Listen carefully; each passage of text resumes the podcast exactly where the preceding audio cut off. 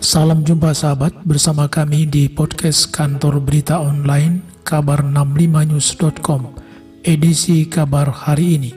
Sahabat, hari ini tanggal 9 Februari 2022 bertepatan dengan peringatan Hari Pers Nasional yang berlangsung di kota Kendari, Sulawesi Tenggara. Berikut, mari kita dengarkan bersama sambutan Presiden Republik Indonesia Insinyur Haji Joko Widodo. Atas nama masyarakat, bangsa, dan negara, saya menyampaikan selamat Hari Pers kepada seluruh insan pers Indonesia di mana pun berada. Sekaligus ucapan terima kasih meskipun berada dalam situasi pandemi, insan pers tetap bekerja, terus menyampaikan informasi, meningkatkan literasi, membangun optimisme, dan membangun harapan, sehingga masyarakat tetap tangguh menghadapi dampak pandemi COVID-19. Tadi Pak Atap Depari menyampaikan mengenai urusan vaksin yang saat itu eh, dari PWI meminta untuk didahulukan dan saat itu memang kami hanya bisa memberikan 5.000 dosis vaksin saat itu. Saat ini kalau PBI masih minta lagi, Pak Tabari, kami ada stok 143 juta. Jadi Bapak mau minta berapa akan saya beri sekarang, sekarang juga. Karena stoknya banyak. Dan yang sudah kita suntikkan kepada masyarakat sampai saat ini, sampai hari ini, sudah 325 juta dosis, baik itu dosis pertama, kedua, maupun dosis penguat atau booster.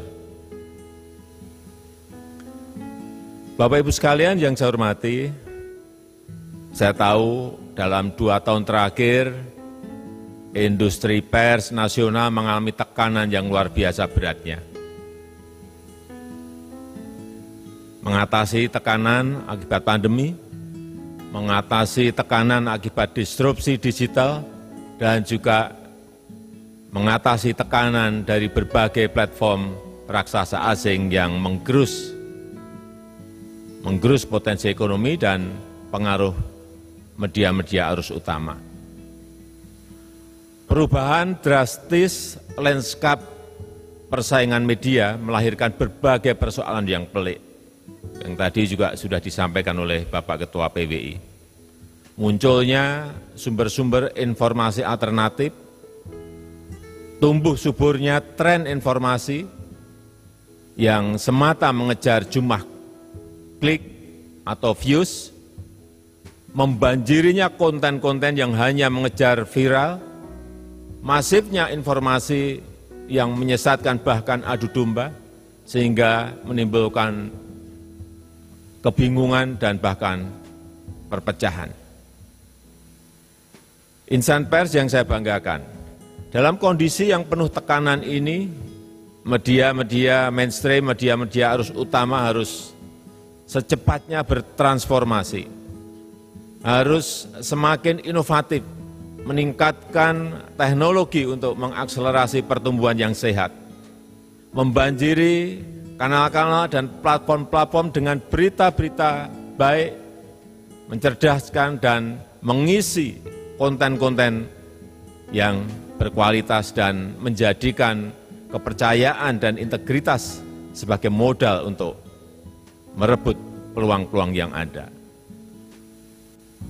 Pers Indonesia harus mampu memperbaiki kelemahan sambil melanjutkan agenda-agenda besar bangsa menguatkan pijakan untuk melompat lebih tinggi dan mampu berselancar di tengah-tengah perubahan, mempercepat transformasi digital untuk menghasilkan karya-karya jurnalistik berkualitas, lebih cepat dan tetap akurat dan tidak terjebak pada sikap pragmatis yang menggerus integritas kita. Ekosistem industri pers harus terus ditata.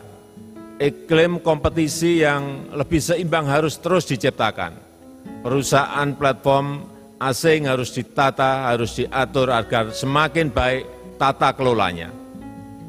Kita perkuat aturan bagi hasil yang adil dan seimbang antara platform global dan lokal. Jadi yang disampaikan oleh Pak Ketua PBI maupun Prof. Nuh tadi, ada beberapa pilihan yang mungkin bisa segera kita putuskan, apakah segera mendorong undang-undang baru, atau yang kedua merevisi undang-undang yang lama, atau yang paling cepat adalah dengan peraturan pemerintah atau PP. Ini kami serahkan kepada PBI dan Dewan Pers agar regulasi itu segera bisa kita selesaikan. Saya akan dorong terus setelah nanti pilihannya sudah ditentukan, apakah undang-undang baru, apakah revisi undang-undang lama, atau memakai PP. Sehingga menjadikan industri pers semakin sehat dan kuat. Kedaulatan informasi harus diwujudkan untuk kita bersama-sama, kita harus perkuat ekosistem industri pers nasional yang sehat, membangun dan memperkuat platform nasional periklanan, menciptakan platform video nasional agar tidak sepenuhnya tergantung pada platform video-video asing. Kita juga tidak boleh hanya menjadi pasar bagi produk teknologi digital global dan harus secepatnya dibangun, dikembangkan platform-platform teknologi inovatif yang membantu dan memudahkan masyarakat mendapatkan informasi yang berkualitas, yang akurat, yang dapat dipertanggungjawabkan. Memberikan reward yang sepadan kepada media-media arus utama yang konsisten mendedikasikan kemampuan dan sumber dayanya untuk menghasilkan karya-karya jurnalistik yang berkualitas dan mencerdaskan. Hadirin yang saya hormati, pers Indonesia adalah lokomotif kemajuan bangsa menjadi inspirasi lompatan-lompatan kemajuan, menjadi simpul perubahan di semua sektor kehidupan kita, serta menjadikan masyarakat, bangsa, dan negara percaya diri untuk mewujudkan Indonesia maju. Pemerintah saat ini terus bekerja keras untuk mengawal beberapa transformasi besar. Kita sedang melakukan transformasi struktural agar Indonesia semakin kompetitif untuk menghadapi era hiperkompetisi. Transformasi besar itu dibutuhkan untuk menciptakan kesempatan kerja yang seluas-luasnya dan peningkatan nilai tambah. Ini sangat penting, sehingga memberikan dampak yang signifikan pada penurunan angka kemiskinan, ketimpangan, dan juga menyerap pengangguran yang ada. Pemerintah melakukan investasi besar-besaran dalam pembangunan sumber daya manusia, mulai dari perbaikan layanan kesehatan, penurunan angka stunting, reformasi pendidikan yang tersambung dengan kebutuhan dunia industri, dan juga revitalisasi pelatihan vokasional yang memberikan upscaling, rescaling tenaga kerja kita untuk lebih produktif dan kompetitif. Dalam penciptaan nilai tambah kita tidak main-main dengan hilirisasi, baik hilirisasi industri tambang sampai dengan hilirisasi di sektor pertanian. Kita tidak ingin menjadi negara pengekspor bahan mentah yang nilai tambahnya justru dinikmati negara lain. Pemerintah telah membuktikan bahwa dengan hilirisasi maka akan tercipta lapangan kerja baru yang makin banyak dan nilai tambahnya akan berdampak pada industri-industri nasional kita. Penguatan nilai tambah juga kita lakukan dalam transformasi ekonomi digital dan transformasi energi. Ekonomi digital memiliki potensi yang luar biasa untuk dikembangkan. 8,4 juta UMKM kita telah kita dorong naik kelas masuk ke platform digital dan jumlahnya akan terus bertambah. Kita juga sedang bergerak untuk transformasi energi ke energi baru terbarukan dengan memanfaatkan geothermal, angin, solar panel, biofuel, arus bawah laut, dan tenaga hidro. Ini juga sejalan dengan komitmen pemerintah untuk menggerakkan ekonomi hijau yang akan berkontribusi pada penyelesaian persoalan lingkungan di tingkat global. Komitmen untuk transisi energi dan transformasi digital ini akan kita angkat dalam presidensi Indonesia di G20 di tahun 2022 ini. Indonesia akan menjadi tuan rumah berbagai acara berskala internasional. Ini sebuah kehormatan dan kepercayaan yang sangat berharga dan kesempatan yang sangat baik untuk menunjukkan kemajuan-kemajuan kita yang telah kita capai, sekaligus meningkatkan kontribusi pada upaya pemulihan ekonomi global.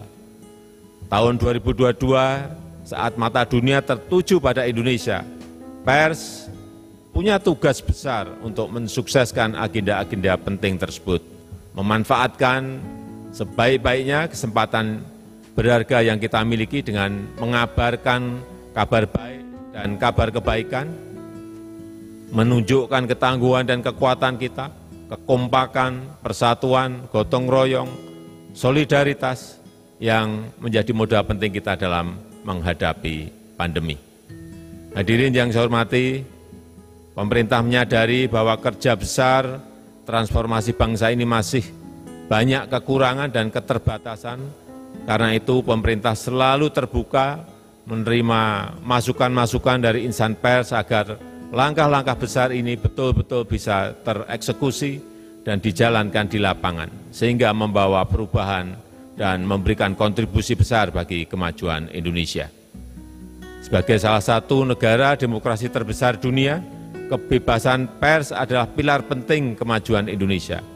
Kebebasan pers dan perlindungan terhadap profesi wartawan dijamin dalam undang-undang. Kritik, masukan, dan dukungan dari insan pers sangat-sangat penting. Mengingat jika ada yang mengingatkan, jika ada yang kurang, yang perlu diperbaiki, mendorong yang masih lamban, dan juga mengapresiasi yang sudah berjalan baik, agar seluruh jajaran pemerintah dari pusat sampai ke daerah dan desa bekerja dalam frekuensi yang sama, visi yang sama untuk negara kita, untuk Indonesia maju. Demikian kabar hari ini. Kita akan jumpa kembali pada kabar-kabar lainnya di lain waktu dan lain peristiwa. Apabila Anda ingin mendapatkan berita-berita terkini, jangan lupa klik situs kantor berita online www.kabar65news.com.